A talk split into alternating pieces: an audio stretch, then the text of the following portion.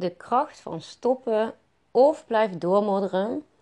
Ja, dat kwam in me op. Ik was aan het wandelen en ik dacht, ja, dat is zo'n belangrijk thema eigenlijk in mijn leven. Dus ik dacht, oh, daar wil ik echt heel graag even een podcastje over opnemen.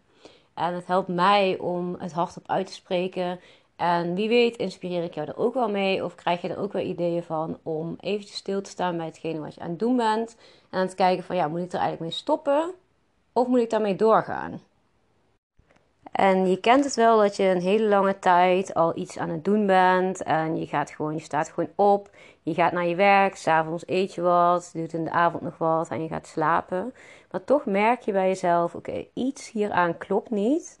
Maar ik weet eigenlijk niet zo heel goed wat. Dus moddel je eigenlijk maar door. Omdat je simpelweg ook niet echt goed weet wat je dan eigenlijk wel wil. En voor mij was dat echt wel een ehm, lange periode toen ik uh, als docent werkte. Toen wist ik al een tijdje van: oké, dit is het eigenlijk niet helemaal. Maar um, ja, wat moet ik dan? Ik weet het niet zo goed. En um, toen ben ik eigenlijk bij mezelf gaan onderzoeken van ja, maar wat wil ik dan wel? Wat vind ik leuk? Toen ben ik gaan kijken um, naar verschillende opleidingen. Ook opleidingen waar ik gesprekken heb gehad. Pedagogiek bijvoorbeeld. En overleg uh, met afdelingsleider van ja, wat moet ik hiermee? En kunnen jullie iets voor mij betekenen? Maar het feit dat ik het wilde gaan onderzoeken, dat is eigenlijk al de eerste stap in het feit dat je um, richting of het stoppen gaat of dat je aan het doormodderen bent. Want als je aan het doormodderen bent, dat betekent voor mij eigenlijk dat je wel weet dat je iets anders moet gaan doen, maar het eigenlijk niet doet. En het maar gewoon zo laat, omdat dat de makkelijkste optie lijkt. En het feit dat ik zeg uh, de makkelijkste optie lijkt, dat is ook echt. Want ik heb echt wel ervaren dat. Um, als je dan op een gegeven moment toch op een bepaald punt komt en je stopt ergens mee, dat er zo'n grote last van je schouders afvalt, dat je daarna ook echt niet begrijpt dat je zo lang bijvoorbeeld hebt doorgemodderd. En ook al lijkt dat uh, als je midden in die situatie zit de juiste keuze om door te modderen, diep van binnen weet je dat dat niet zo is.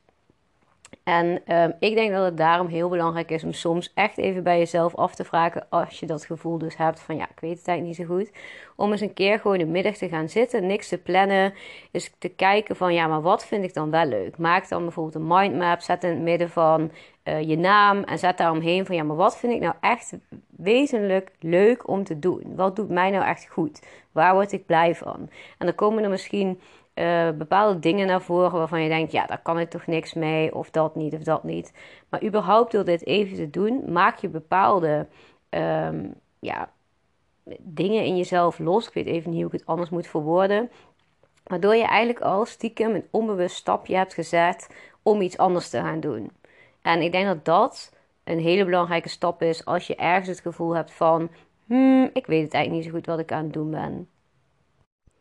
En als je dat hebt gedaan, dan kun je het ook gewoon even laten liggen. Je hoeft er dan ook niet meteen actie op te, onder, uh, ja, op te ondernemen. Maar het gewoon even te laten liggen, dan is er in ieder geval al iets aangewakkerd in jezelf om iets anders te gaan doen. Op een gegeven moment had ik het ook. Ik had van alles onderzocht eigenlijk wat ik wilde doen. En op een gegeven moment dacht ik van, weet je wat? Ik ga gewoon doen wat ik leuk vind. En leuk, wat ik dan echt heel erg leuk vind om te doen, is reizen. Nou, dus toen was er ook uit mijn mindmap gekomen van oké, ik wil echt weer gaan reizen. Ik wil echt weer uh, weg, zeg maar, om lekker even mijn eigen ding te gaan doen.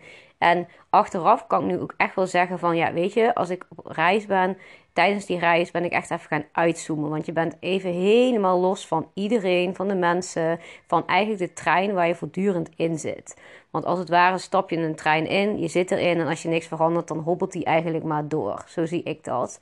En als je daar even uitstapt en de trein gewoon aan je voorbij laat gaan, dan zie je ook eigenlijk wat er gebeurt.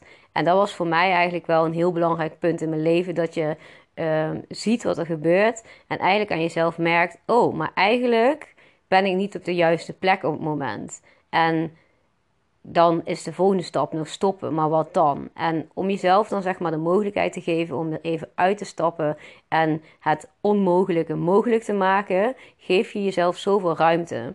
Want in mijn hoofd was het echt niet mogelijk om bijvoorbeeld te stoppen met werken. Zomaar een vast contract, een vaste baan, vast inkomen, hoog salaris in te leveren voor helemaal geen inkomen. Door voor um, twee jaar lang helemaal weer terug voor mijn gevoel, naar het begin. Weer in de studiebanken, weer opnieuw beginnen.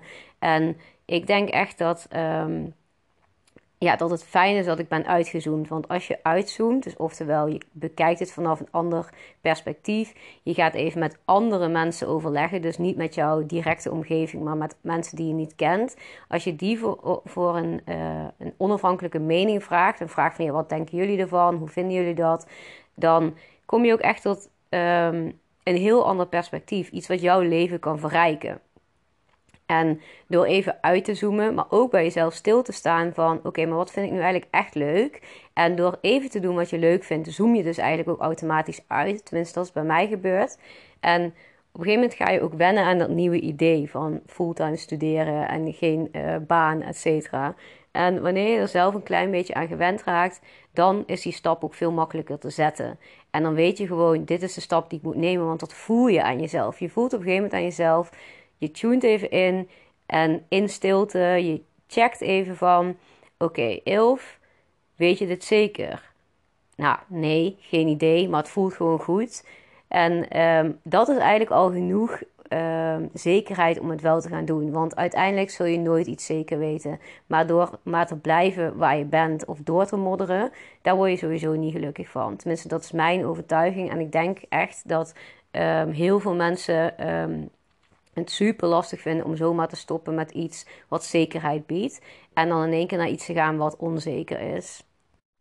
En ik, ik geef dit voorbeeld, maar er zijn natuurlijk nog super veel andere voorbeelden. En ik wil dat echt heel graag met je delen, omdat ik echt denk dat um, heel veel mensen, en ik ook nog wel eens hoor, dat ik. Um, dat je in een bepaalde situatie zit, in een bepaald verhaal zit, waar je niet zo heel erg makkelijk uitkomt. Terwijl het ergens niet helemaal goed voelt.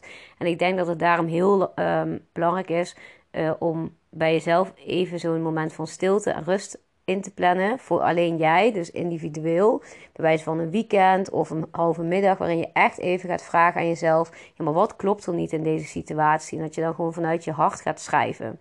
En vanuit je hart schrijven is bijvoorbeeld je timer op 10, minuut, 10 minuten zetten en blijven schrijven.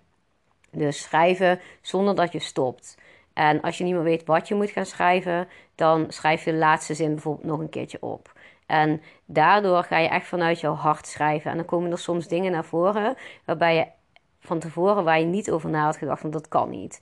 Dus dat maakt eigenlijk dat jij even terug naar je hart gaat, terug naar jouw uh, ja, innerlijke, uh, in, ja, jouw intuïtie eigenlijk, die dan gaat spreken. En daar kun je zoveel mooie inzichten uithalen, waarop jij in één keer bedenkt: oh, dit stukje klopt niet helemaal. En dan kun je daarna ook een plan maken van oké, maar dat stukje, hoe ga ik dat oplossen dan?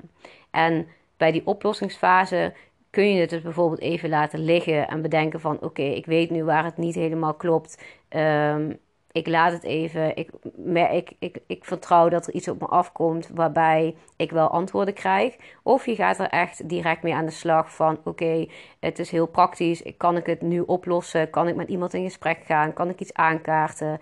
Um, kan ik iets veranderen, dan zou je dat ook meteen kunnen doen. Mits jouw gevoel echt zegt: Oké, jij kunt het nu aan. Ik kan me ook heel goed voorstellen, namelijk als je in een relatie met iemand zit of een bepaalde vriendschap, dat het super lastig is om zoiets te verbreken als het gewoon niet meer goed voelt.